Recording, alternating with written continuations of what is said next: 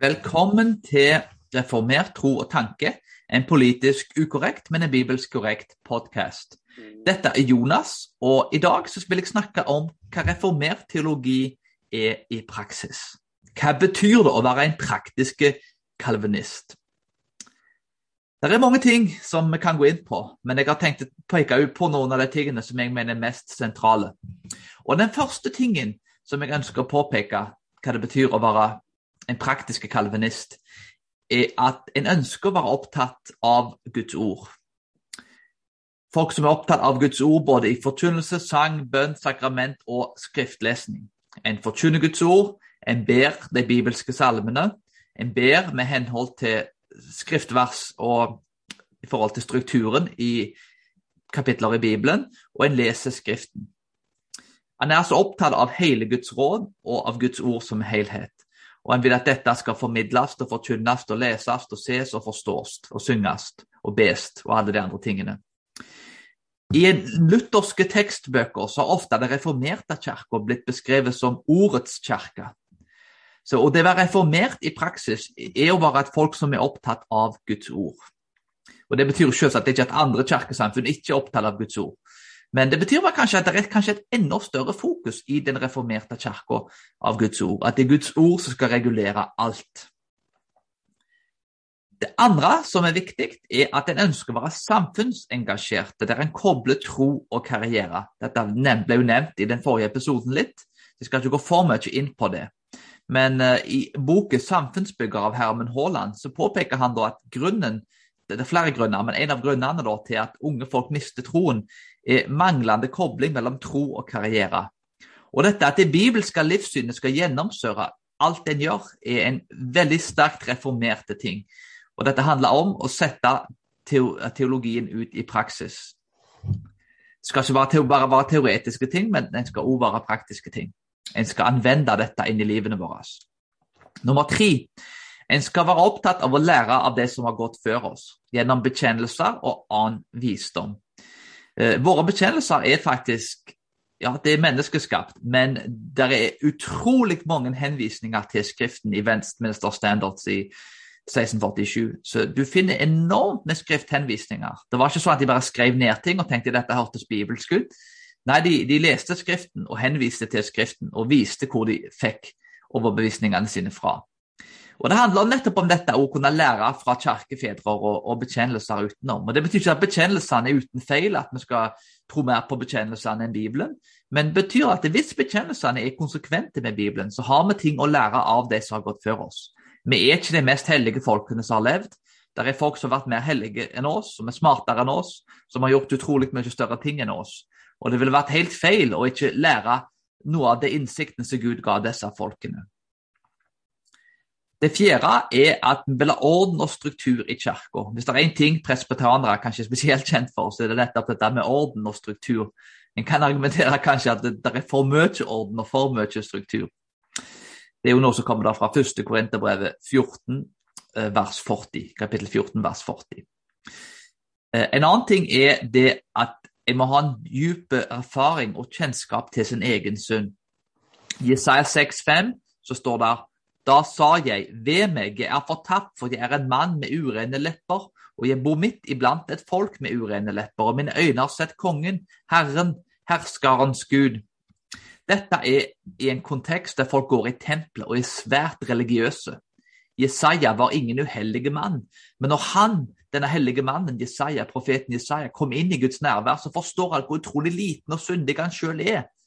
Og hvis Jesaja, som jeg går ut ifra at Jesaja var en betraktelig mer hellig person enn de aller fleste som lever i dag, og åpenbart en mye mer hellig person enn meg. Hvis han da kjenner på synden i seg selv på den måten, så bør da en ekte kalvinist da være skråsikker på én ting, og det er at Gud er ekstremt hellige, og at vi er ekstremt syndige. Dette bør produsere ydmykhet og sjølinnsikt, og ikke stolthet. Reformerte og kalvinister kan beklageligvis noen ganger være harde, vise lite empati for andre. Og En, en presbyteriansk pastor i Amerika nevnte alltid en gang at uh, hvorfor kalvinister var så slemme, hvorfor de var så harde. Selv endte han opp med å bli kalvinist, og den dag i dag da en, en presbyteriansk uh, pastor. Men det var beklageligvis litt sant, det han sa. Det var et spørsmål som han sleit med, så heldigvis han fant svaret på. Men reformert teologi da, og kalvinisme produserer noen ganger beklageligvis folk som viser lite empati. Og dette er utrolig med tanke på at vi har den helt mest fantastiske forståelsen av nåden. Det er ikke min forståelse, det er ikke jeg som har funnet den opp, men jeg er overbevist om at i Bibelen så er det en utrolig forståelse av nåden, som jeg, iallfall jeg mener kommer fram i den reformerte teologien på en utrolig måte. Og dette bør produsere ydmyke folk som ser på seg selv som små og svake, og ikke som uh, harde og, og, og, og, folk som viser lite empati. Jeg har selv igjen vært i et rom med folk, skulle du si, og det var en gang som skjelte ut uh, folk fordi at uh, de misforsto det Bibelen sa da om nåden. Det var en mer reformert forståelse da, av nåden, og hun mente at de tok feil. Og den personen da, så dette hjalp, ble jo utskjelt. Og det er jo noe veldig selvmotsigende når du sitter og forklarer nåden til folk, og hvor fantastisk det er at Gud har frelst oss av nåde, og så sitter en og blir utskjelt. Det, det, er veldig selvmotsigende, og beklageligvis en ting som, som ikke burde eksistert. Men folk er syndere, folk gjør feil, folk er ikke konsekvente, og det samme gjelder åpenbart meg. Eh, men det er sånn at reformert teologi bør lede til ydmykhet og ikke dogmatiske stolthet. Vi bør bli mindre, og Gud bør bli større. Og en må faktisk komme til en konklusjon der en, en viser en enorm empati fordi at en har fått empati av den guden som har tilgitt oss på grunn av den store synden vår. Det sjette poenget er at en bør ha en sterk erfaringsmessig forståelse av Guds nåde, som allerede er blitt nevnt, og tilgivelse. Jesaja ofra til Gud på alteret. Årsaken til at nåde og tilgivelse i dag ikke er verdsatt sånn som det er, er at vi ikke verdsetter Guds suverenitet og hellighet like mye som vi bør. Jo mer forderva vi er, og jo større vi forstår vår synd og at den er, jo mindre kan vi gjøre for å søke Gud, og jo større blir nåden og tilgivelsen. Reformert teologi sier at ingen kan gjøre noen ting for å bli frelst. Det sjuende poenget er at nåden gjør at en person må gi seg fullt til Gud. Jesaja forteller oss at han hørte Guds stemme om hvem Gud skal sende. Profetens reaksjon når han møtte Guds hellighet, suverenitet og sin egen forderva synd, og når han fikk Guds nåde tilgivelse, at han svarte, 'Her er jeg'. En kan ikke gjøre noe annet enn å gi seg fullt til Gud. Den allmektige, suverene og hellige skaperen vil bruke et syndig kar som meg for et privilegium, for en ære. Jeg fortjener dom, jeg fortjener straff, men isteden så får jeg ære av å bli brukt av Gud, han som skapte alt ut av ingenting, og til å utføre hans vilje på jorda. Dette er et privilegium som, som er større enn noe annet på jorda. Og Derimot er det en selvmotsigelse å være en stolt, arrogant kalvinist. Å sitere reformert litteratur, bibelvers og være selvrettferdige er tegn på en person som ikke da lever i Guds nåde, og kanskje heller ikke alltid har forstått Guds nåde, og i alle fall ikke praktiserer det. Har Gud gjort deg til en kalvinist? Det er ikke et spørsmål om du har lest reformert litteratur, og om du kan sitere alle de store folkene, om du kan bibelvers utenat om alle disse tingene. Men har Gud gitt deg en visjon om at han har ødelagt deg? Har han brakt deg til et sted ved hans nåde, mykhet, og der takksigelse, tillit og glede at du har underordna deg hans autoritet? Har han brakt deg til alle disse tingene? Og svaret på det er ja, ja, da har han gjort deg om til en kalvinist. Han har gjort deg om til en kristen, at det, det, det er et bibeltro menneske. Nummer åtte er den frelsende nåden. Benjamin Warfield, som var en av de store teologene på den gamle Princeton da, før Princeton Seminary i Amerika ble overtatt av liberalteologien, sa There is nothing, therefore, against which Calvinism sets its face with more firmness than every form and degree of auto-soterianism, every form of self-salvation.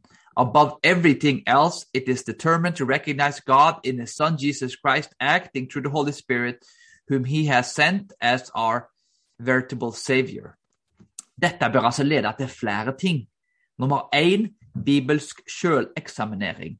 2. Korinterbrevet 13-15. Eksaminer dere sjøl for å se om dere er i troen. 1. Peter 1,10. Om denne frelsen var det profetene granska ransaka, de som profetene om den nåde som dere skulle få. Har du sett din egen forderva synd, sånn at du kan motta Guds nåde? I bergpreken Matteus 5 så så Jesus folket, og han gikk opp i fjellene. Da satte han seg, og disiplene hans kom til ham. Han tok til orde, lærte dem og sa, salige er dere fattige i ånden, for himlenes rike er dere, salige er det som sørger, for de skal trøstes. De som er fattige i ånden, har blitt bevisste om sin egen synd. Det er fullt mulig å være kalvinist og tro på tulip, og samtidig til være selvrettferdig, stolt og ondskapsfull som en djevel. Men igjen, dette blir likevel en selvmotsigelse. Finnes der bevis på at Gud har virka i deg?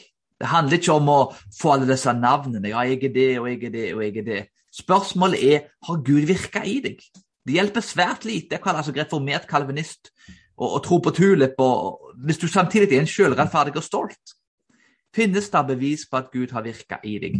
I Efeserbrevet 1,4 står det For i ham har han utvalgt oss på verdens grunnvoll belagt, for at vi skal være hellige og ulastelige for hans åsyn.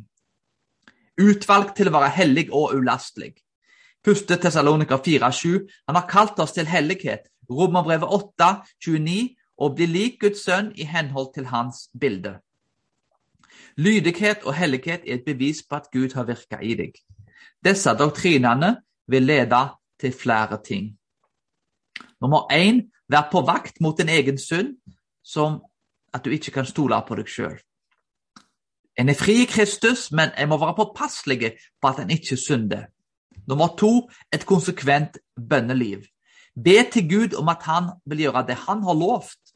Bønn gjør oss avhengige av Gud og setter mindre fokus på oss sjøl.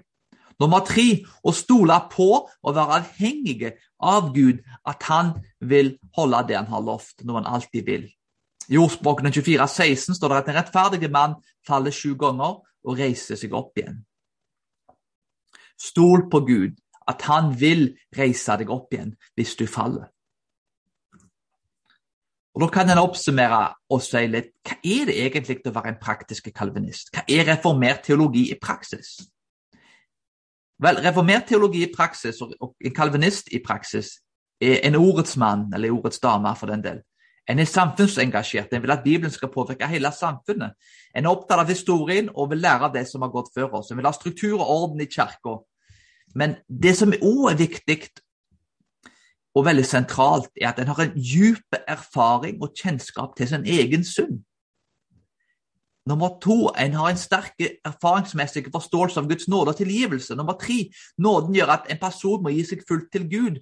Nummer fire, dette leder til en bibelsk sjøleksaminering.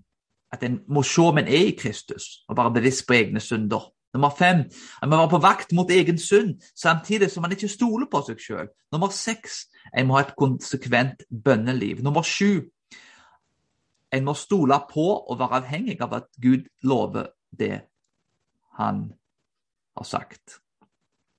Og at han holder det han har sagt. Det er kanskje en annen måte å si det på som er litt rettere. Kalvinister, som sagt, har beklageligvis kanskje ikke alltid dette ryktet på seg, for i likhet med alle andre grupper, så, så igjen, vi syndere. Vi syndere som ikke gjør alle rette tingene, som ikke alltid handler konsekvent, og som må føre oss alltid sånn som vi må. Jeg vet for min del at jeg synder mye mer enn jeg bør. Og Noen ganger så kan kalvinister bli beskrevet som slemme, selvrettferdige, arrogante vakthunder som angriper andre mennesker på en dogmatisk måte som har marian tro. Og igjen det eksempelet som jeg nevnte tidligere, der noen sitter i et rom og ja, kritiserer folk sterkt for de misforstår nåden, viser jo at det er den personen som kommer med den typen kritikk på en så hard måte, som har misforstått nåden. Dette er ikke kalvinisme. Dette er en parodi av kalvinismen. Om en ser Gud så vil en bli knekt. Om han forstår at Gud frelser syndere, så vil han gjøre at han blir tillitsfull, en drevet av bønn og praktiserer personlig hellighet. En sånn person vil òg alltid være ydmyk. Ikke perfekt ydmyke, ikke perfekt hellige, men likevel ydmyke og hellige til en viss grad. Om Gud alene er dens frelse, om 100% av frelsesverket er av Gud, så burde det slå oss ned på knærne, der vi har ingenting å skryte av. Ingen verdens ting.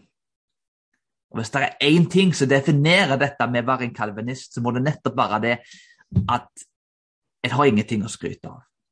Men heldigvis så er det en Gud som kom ned og døde for oss.